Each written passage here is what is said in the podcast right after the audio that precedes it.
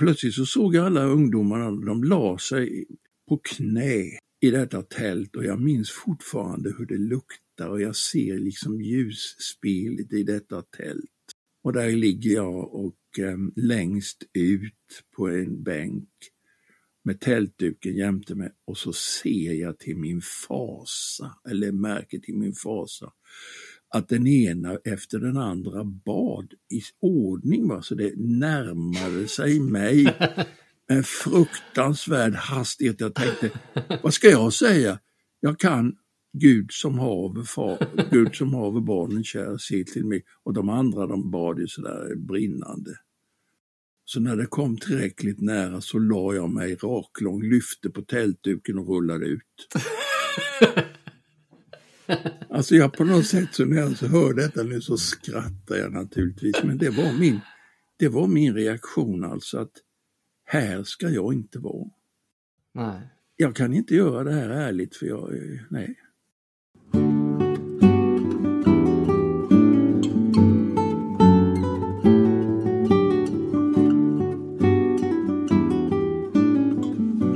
Välkommen till den här podcasten. Jag, Marcus, ska intervjua prästen Folke T. Olofsson utifrån hans bokserie Credo, en personlig kristen tro.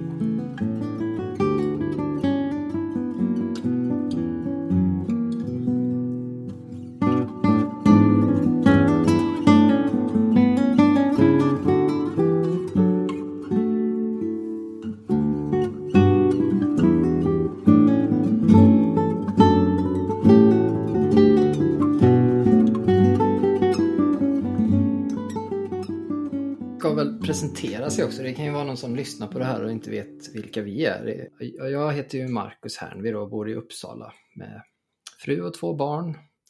Och jag läste ju lite teologi en gång i tiden men tog ett studieuppehåll som blev allt längre.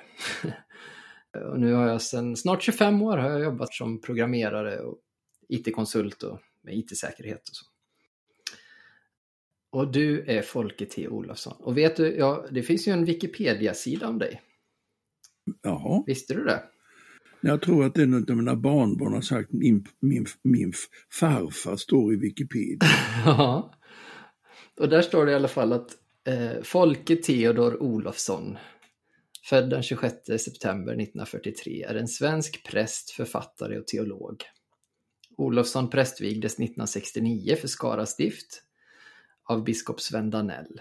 Han disputerade 1979 för teologie doktorsexamen på en avhandling om B.F. Westcotts teologi. Han har tidigare varit kyrkoherde i Rasbo församling, Uppsala stift.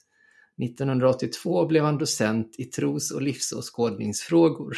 Tros och livsåskådningsvetenskap heter det faktiskt. Ja, vid Uppsala universitet. Olofsson har också publicerat lyrik, bland annat i Bonniers litterära magasin, Vår lösen och Horisont, samt utgivit två diktsamlingar. Det stämmer väl ganska bra? Jo, men jag tycker det i sådana där eh, artiklar så är det utesluter de faktiskt viktiga saker. Om någon, någon frågar mig vad är det viktigaste, då skulle jag säga att jag har fem barn och är gift. Mm. Jag tänkte just det. Visserligen säger de det tillhör det privata, men jag tycker det är väldigt viktigt därför att just att vara far till barn och att vara gift med samma fru länge, det tillhör de verkliga eh, säga, meriterna, men alltså i en människas biografi. Ja, jag har ju väldigt svårt att läsa de här böckerna, Credo, på något slags objektivt sätt. Det kan man väl aldrig, men eh, för du är ju, du är ju min präst och vi har ju en historia som är ganska lång. Min och min familjs präst. Och du har vikt mig och min hustru och du har döpt min yngsta och välsignat vårt hem. Och... Det var då brandvarnaren gick igång därför vi hade för mycket rökelse. Ja, okej. Okay. Ja. Och jag har hört dina predikningar och läst artiklar och böcker. Och till och med poesin. Då. Jag, är en, jag är en dålig eh, lyrikläsare. Det, jag vet inte vad det är med, med, med det. Men det är väl inget konstigt, jag begriper mig inte heller på dikter. Så därför skriver jag dem själv. Ja, och vi delar ju gudstjänstgemenskap i Sankt Ansgars Ja. kyrka i Uppsala. Då. Jag, så jag hör ju din röst hela tiden när jag läser credo. Jag har ju haft en fantastisk läsupplevelse när jag har läst dem.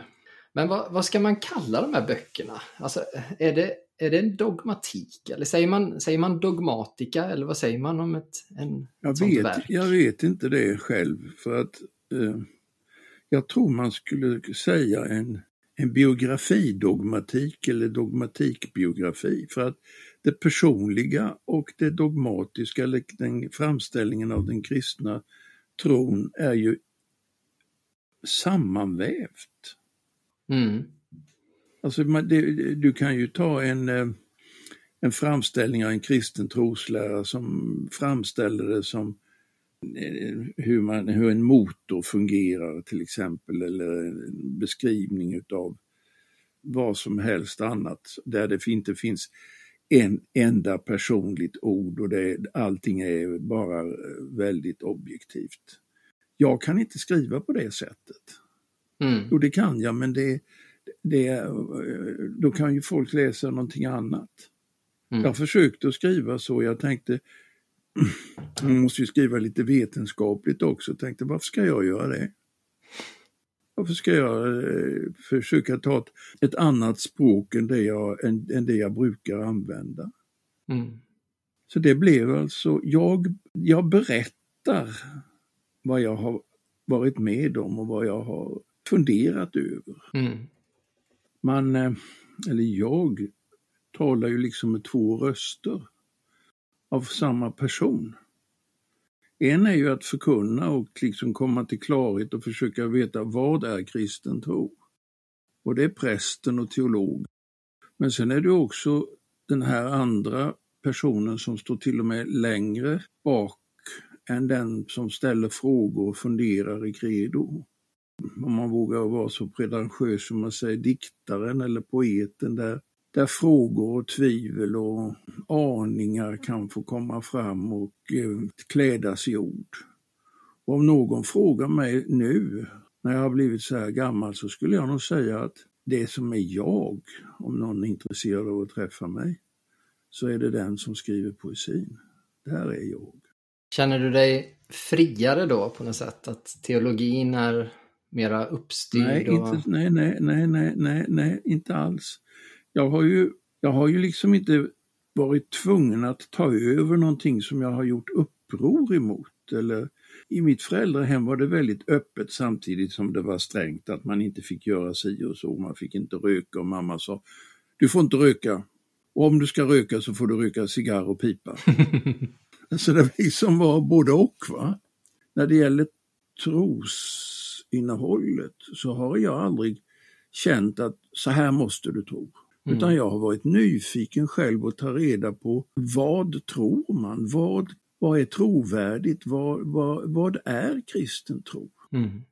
Jag är ingen akademiker på det sättet utan jag har varit, jag har velat veta om det nu finns en kristen tro, hur ser den ut?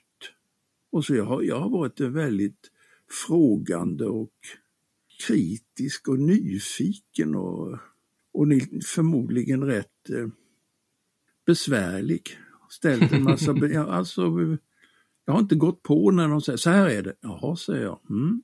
Och så har jag gått hem och funderat och sagt nej, det är inte så alls, det stämmer inte. När jag var ung och barn, då så bodde jag ju i Gislaved och där rinner Nissan och på den tiden så flottade man. Mm. Och där fanns det sådana här sel där man eh, stängde in eh, f- flottimret.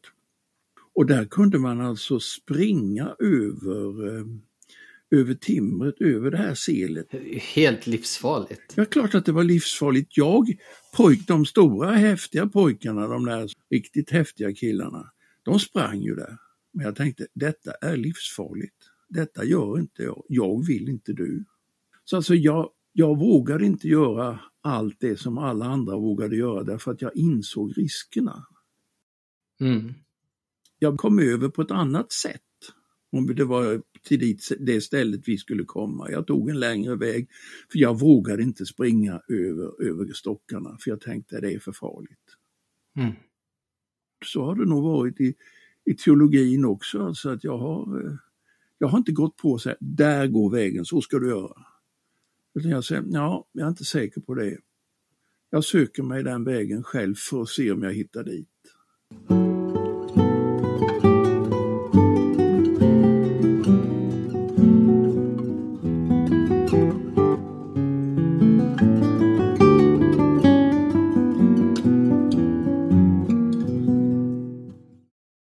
Fick lära mig att maskarna, alltså de här som gör jord, mm. de måste liksom äta det som jorden eller mullen går genom masken.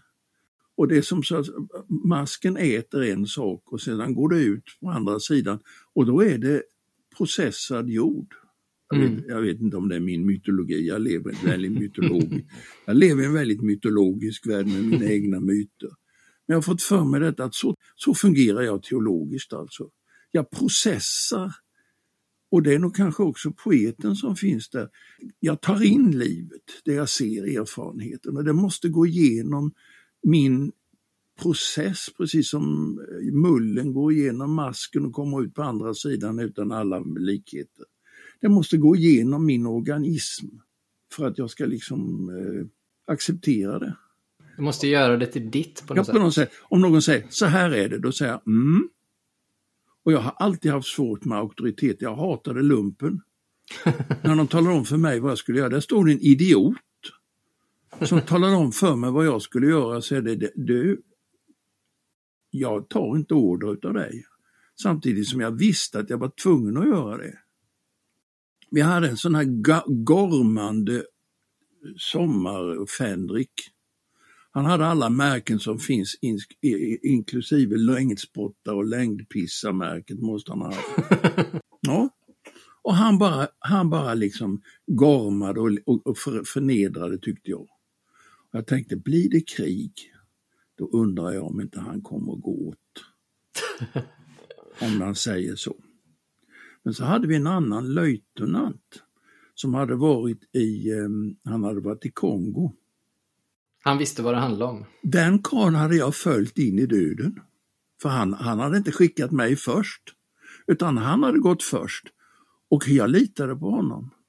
Och han var aldrig sådär petimetrig om småsaker. Va? Då tänkte jag, där, den mannen kan jag följa. Han har erfarenhet och han är inte ute efter att trycka ner. Mm. Och så har jag velat ha det i teologin, alltså att jag, jag jag, går, jag vill inte bara att någon ska tala om för mig hur det är och jag ska lyda, utan jag vill säga veta själv. Och det credo är faktiskt, den, är, den har stora brister och ja, det är mycket som jag säkert inte har fått rätt. Men det som står i den boken, bluddrigt som var, jag menar jag är ju, bluddrar ju på. Det är sånt som har gått igenom min process. Det står jag för. Ja. Men om man då ska se det som en, en, en dogmatik då. När, när skrevs senast en dogmatik i Sverige? En dogmatik? Jag vet inte. Det är, det är väl ingen som är så dum eller så har sånt mod så att, eller är så självmodisk så att de sätter sig och skriver en helhetsframställning av kristen tro. Men jag menar, jag har ju predikat i 25 år. Och jag har mm. undervisat konfirmander i 25 år. Nej men alltså jag har försökt att formulera för mig själv och för församlingen och för unga människor. Vad är kristen tro? Mm. Men det, vad jag förstår så finns det ju ett, ett ett format som de här, eh, en, en, dogmatik ska ha då. Det ska börja med det där, nu vet jag knappt hur det uttalas, här, prologomena. Prologomena, ja, nej, alltså, ja men det är ju inget, det är inget konstigt. Folk är ju så, folk, folk, är ju så, eh, en del ber om ursäkt för att de kan inte de fina orden. Då säger du, de fina orden, om man översätter de så kallade fina orden, de betyder faktiskt, prolegomena betyder förord. Säg förord då, men det är då, det låter ju inte lika imponerande så då säger man tå med ett istället för band ett. Med prolegomerna istället för ett förord. Men alltså det, och sen ska man ha ett metodkapitel och bla bla bla bla bla bla bla bla. Jag har ju pratat mer som, eller jag har ju skrivit mer som, som vad ska vi säga, en, en präst i en kyrka. Mm. Och utifrån detta vad jag själv vill, utifrån min egen oförmåga eller förmåga, säga vad vill jag själv? Vad kan jag dela med mig utav min egen, mitt eget sökande efter tro och så. Ja, för du börjar ju med en liten självbiografi från din barndom. Jo, men jag tycker det. Jag, jag tycker eftersom, eh, eftersom jag inte har, jag skulle, man skulle naturligtvis kunna säga så här, grundvalen för en kristen tro. Om du tittar i sista delen, då står det, där finns det alltså ett slags sammanfattning utav de här grundövertygelserna mm. i boken. Den kunde jag ju ha börjat med som en principlära, men då hade mm. folk somnat. Ja. Som du säger. Men när jag nu har, när jag har gått igenom alla de här tre, om någon inte har, om någon har följt mig på den här resan, alla tre delarna, så kommer de fram till detta som jag säger alltså, det här är de ingredienser eller de, det som jag har arbetat utifrån. Det här är mina förutsättningar. Mm. Och då bör man kunna se att det, det, han inte bara pratat på utan det är faktiskt genomtänkt. Det finns vissa värderingar och för, förutsättningar i den här teologin. Mm. Så det är det, de här sista tio sidorna, eller fem eller vad det är, de är principiellt viktiga och skulle ha ingått i det där som du sa, prolegomerna. Mm. Förordet. En sak jag har tänkt på när jag har läst det är ju hur, hur läser man egentligen teologi? Alltså de här, man ser de här enorma kraftledningarna som går från Forsmark och, och, ut i Uppland och ut i Sverige. Jag tror det är 110 000 volt i de där. Och det känns lite som när man läser din bok, att, och all teologi, inte bara din bok, men att det är det är sån enorm kraft som ska då på något sätt landa i vardagslivet. Så här, ah, menar, du, menar du verkligen att du har upplevt kraft i det du har läst om jag har skrivit? Ja, absolut. Jag måste ta en paus ibland. Och, och jag kan inte, jag, jag, jag får är det inte bara ordsvallet som får dig att säga orkar inte Men Nej, alltså, jag vet ju inte själv för att jag märker ibland när jag läser vad jag har skrivit och jag läser till exempel det här avsnittet om prästen som försöker att, att tala om och fira påsk. Mm. Bogserbåten. Ja, just det. Alltså det är ju, det skulle ju ingen dogmatiker skriva. Utan de skulle skriva liksom om det, de skulle skriva om det precis som det var ja, en väderleksrapport om Golgata ungefär. va. Mm. Eh, och så, men jag kunde inte göra det. Därför att jag har ju levt med det. Om detta som händer på Golgata är en verklighet och vi lever, då kan man ju inte förhålla sig till detta som om, som om det vore en väder, som vädret i, ter, ter, i Härjedalen. Utan det, det, det, det, blir ju, det angår dig ju. Mm. Det angick mig. Och jag tyckte att det var att, att liksom komma in och tala om, om, om Guds sons lidande, om man nu tar detta på allvar. Det är ju någonting som man borde tala med så små bokstäver om så att man knappt vågade skriva om det. Mm. Det tyckte jag att jag skriver om hur, hur, det, hur det upplevdes. Mm. Ja, men det är ju sådana enorma perspektiv och sådana enorma historier. Jag läste om Abraham och Isak på väg till offerplatsen och, och, och det här om, man ser alla lärjungarna utom Johannes som blev martyrer och dog för sin tro och så. Mm. Och sen kommer min lille Benjamin och vill ha hjälp att ta isär två legobitar. Jaha, hur, hur transformerar man det här, de här enorma berättelserna till, till vardagslivet på något sätt? Hur, hur, hur kan det landa? när man läser, när man läser Credo? Ja, jag vet inte riktigt hur jag ska säga detta, men en, en av de erfarenheterna som finns i poesin är ju det att det här med gudsnärheten är inte så enkelt som de ville göra gällande i i kyrkan. Va? Det som gjorde intryck på mig i frikyrkan, det var ju den här trosvissheten, människor som kunde vittna om att jag har mött Jesus och de, jag har haft en erfarenhet. Och, och så gick jag då till Svenska kyrkan och där var det ingen, aldrig någon som talade om att de hade, de hade, där var det gudstjänst. Man gjorde gudstjänst. Men en av de starkaste upplevelserna, alltså kanske mer intellektuellt än emotionellt, var ju detta att i frikyrkan så talade man om att oh, det var ett sånt härligt möte, vi kände att vi mötte Jesus och så vidare, jag mötte honom och så vidare. När jag gick till Svenska kyrkan i tidiga tonår, för jag ville se vad de gjorde där, så märkte jag detta att där gick prästerna och sa detta Kristi lekamen för dig utgiven. Och då tänkte jag, han påstår ju faktiskt att han att där sker ett möte mellan Gud och människa. Mm. Alltså det som frikyrkorna ville nå fram till genom en upplevelse när någon vittnade eller de sjöng eller de kände Guds andes närvaro. Det var formaliserat i Svenska kyrkan i ett gudsmöte i det sakramentala, i det sakramentala i mötet alltså med att ta emot bröd och vin. Och samtidigt så saknade jag ju, in, jag saknade ju den här innerligheten och Jesusmötet som de här människorna vittnar om.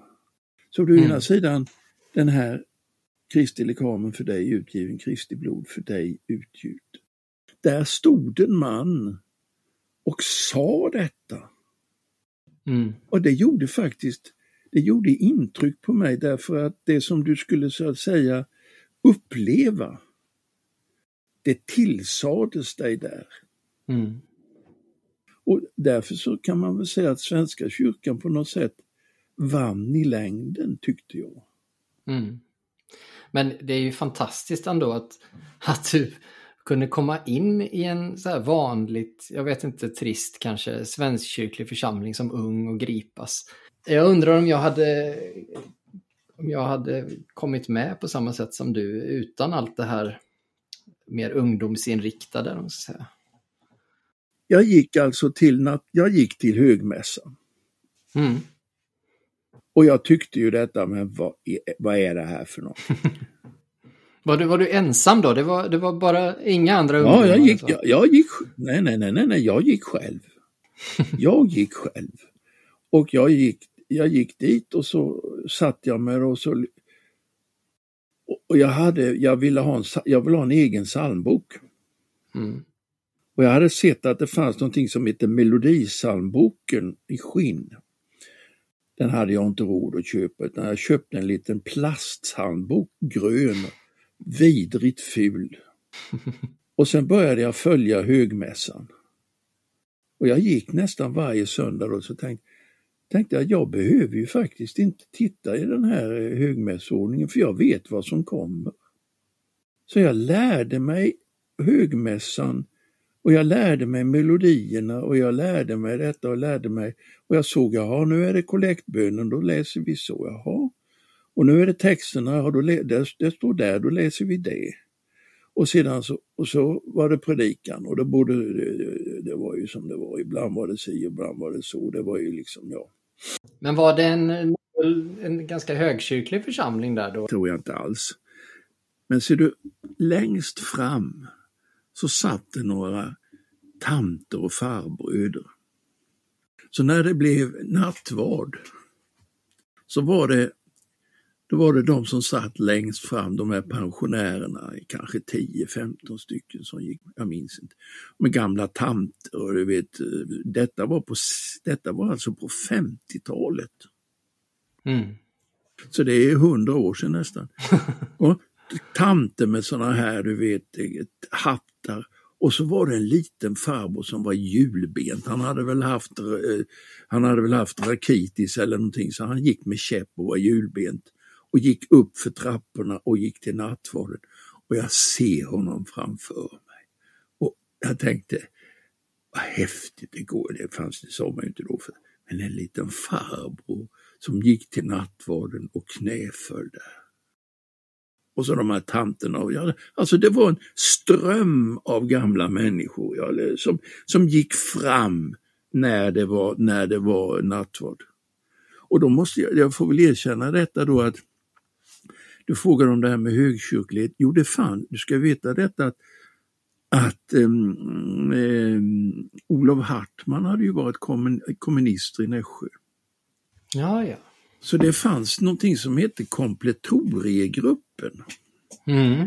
Och de samlades på söndagarna och läste kompletorium. Då hörde jag, det finns någonting som heter kompletorium, läser halv nio, då gick jag dit. Och jag gick dit och jag tänkte, detta var det konstigaste jag varit med. detta var det absolut konstigaste jag varit med om. Men jag, jag, jag kom med där och, ehm, och de reste ner till Hjälmserydstiftelsen och träffade Aha. alltså Ingvar Hector. Mm. Och där hände det någonting. Jag fick gå följa med de här människorna, kompletoriegruppen som väl, när vi, vi var där en påsk. Och så hörde jag Ingvar Hector berätta om eller på påskdagen, han berättade att Jesus lever. Han har uppstått från de döda och han lever. Och han är här och han möter oss i ord och sakrament. Och han menade? Ja, han, jag tänkte, han tror ju på det här. Han tror, han, han tror på vad han säger. Så du säger, det här med att de skäller på Svenska kyrkan, det är fel. Präster, det finns präster som tror. Och han tror på det här. Och jag var, jag var väldigt, inte skakad, men jag var jag tänkte det, det, kanske, det kanske är riktigt sant där, alltså att Jesus verkligen finns och lever. Det, där upplevde jag en stark, ett vittnesbörd om att Jesus verkligen var levande och hade uppstått som ett faktum. Sen att jag inte upplevde det på det sättet att jag hade mött honom, det var ju en annan sak. Som, och det har jag grubblat över hela mitt liv alltså. Och jag har avundats alla människor som säger, oh jag mötte Jesus. Och jag, mm. ja, bra, tänker jag. Och då måste ju jag som präst säga detta att i, idag till exempel, jag har ju varit i kyrkan idag och fått böja knä inför Sankt Ansgars altare och, och prästen kommer och säger Kristi kommen och blod för dig utgivet och utgivet. Jag menar, då måste jag ju säga, har du mött Jesus? Ja, det måste jag säga. Mm. Men jag kan ju inte säga att jag har mött honom som jag mötte dig vid den där elden idag som rök och med, med lille mm. Benjamin och så, så vidare, eller, eller människorna. Och det är väl någonting som jag har med mig som någon slags frikyrklig ba barlast, att längtan efter att möta Jesus som de här människorna säger att de har gjort. Alltså. Mm.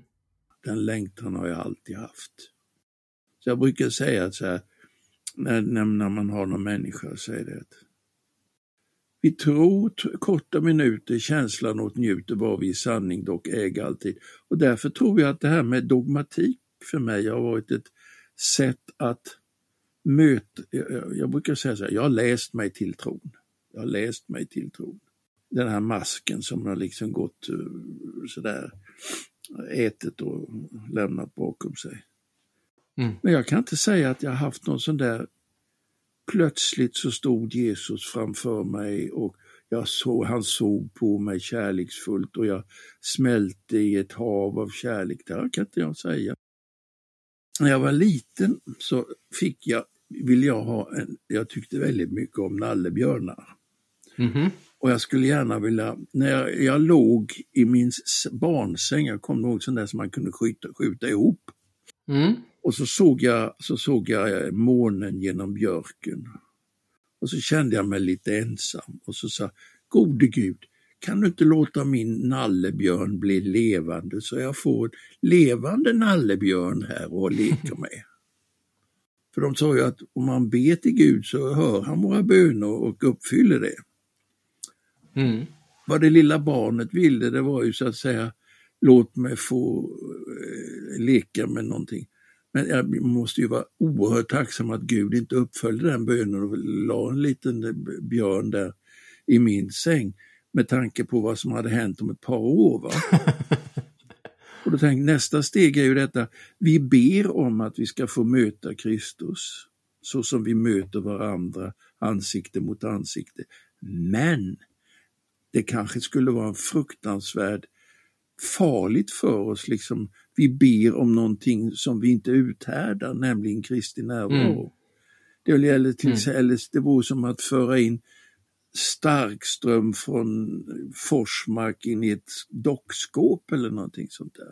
Och just det där, det sakramentala förmedlade via det skapade, kanske är det enda som egentligen är möjligt och de här upplevelserna som en del får, ja det kanske är saligt på något sätt men det är, det är nog i det indirekta som vi får på något sätt vi får nöja oss med det indirekta, det sakramentala, mm. det förmedlade.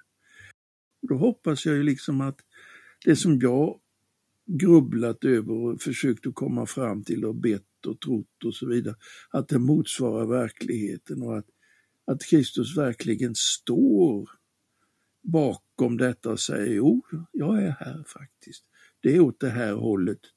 Du, du har inte sagt hela sanningen, kan du inte göra. Men det är åt det här hållet, det du har sagt är inte helt fel. Jag, jag ställer mig bakom det du har sagt om mig. Mm. Det tycker jag skulle vara fint. Ja, du har ju doktorerat vid Uppsala universitet. Och då hade man ju kunnat vänta sig att det skulle vara gödslat med referenser till moderna teologer i boken. Då. Och jag, jag har ju en del teologbekanta och de är så lyriska över N.T. Wright och Moltmann och Hoyervass och allt vad de heter. Men, men inte du. Desto mer kyrkofäder och psalmverser och liturgisk text och bibelord. Du har lagt märke till det? Ja, ja. ja men det, vet du vad det beror på? Jag, har, jag är för lat. ja, men alltså, Moltman, jag köpte Moltmann, eh, alltså teologi där Hoffnung. Och så tänkte jag, fy far vad många sidor på Och så köpte jag Pannenberg, eh, kristologi, Pannenbergs stora kristologi.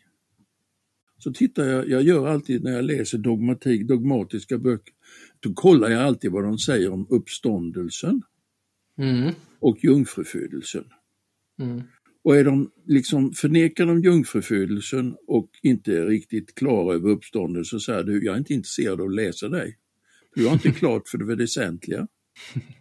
Du kan, du kan tycka vad du vill, men är du inte klar där så är jag inte intresserad.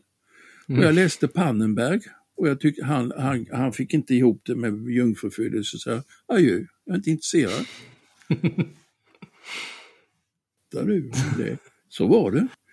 Och då tänkte jag liksom, varför ska jag hålla på och, lära, ska jag hålla på och läsa 500 lit, sidor tyska om inte han har kommit fram till det väsentliga? Så att jag har alltså bedömt alla böcker utifrån hur ser de på jungfrufödelsen? Och hur ser de på Kristi gudom? Och hur ser de på, på eh, uppståndelsens verklighet? Och de som inte har svarat på de frågorna, de bryr jag mig inte om att läsa. Du ska förhålla dig till vissa, så finns Gud ja eller nej? Okej? Okay? Mm. Har Gud uppenbarat sig, ja eller nej? Är Jesus Kristus Guds uppenbarelse enligt den här Fader, Son och Ande med sann Gud och sann människa? Ja eller nej? Är han, har han kommit till genom ett, en våldtäkt utav någon, någon amerikan, vad heter det, romersk eh, eh, centurion eller soldat? Eller är han Josefs son? Eller är det som det berättas, ja eller nej? När han är död, är han riktigt död, ja eller nej? Har han, upp, har han uppstått på det sättet att de har mött honom igen och graven tom, ja eller nej? Alltså, det är, det är, inte, det är inte bara liksom ett slags fluff, utan det är, det är fakta som man har tagit ställning till. Och om man, mm. om liksom, om man uppger det, då blir det ju bara en slags allmän livstolkning och då kan det ju vara vad som helst. Men jag kom ju fram till detta och det, det är väl det som är mitt problem, att det handlar om för att de ska kunna vara frälsande, de här fakta, så måste de ju först vara fakta, annars är de inte frälsande. Så enkelt Mm. tänker jag. Och de här teologerna som håller på, som är, håller på med eh, mer, eh, vad ska vi säga, mer filosofier, samtida filosofier, än att handla med dessa, han- hantera dessa fakta. Det intresserar mig inte. Det är möjligt Mm. att det är ett akademiskt ämne, men jag ska inte vara där. Mm. Jag, är, jag försöker få reda på hur är det så att jag kan leva och dö på det.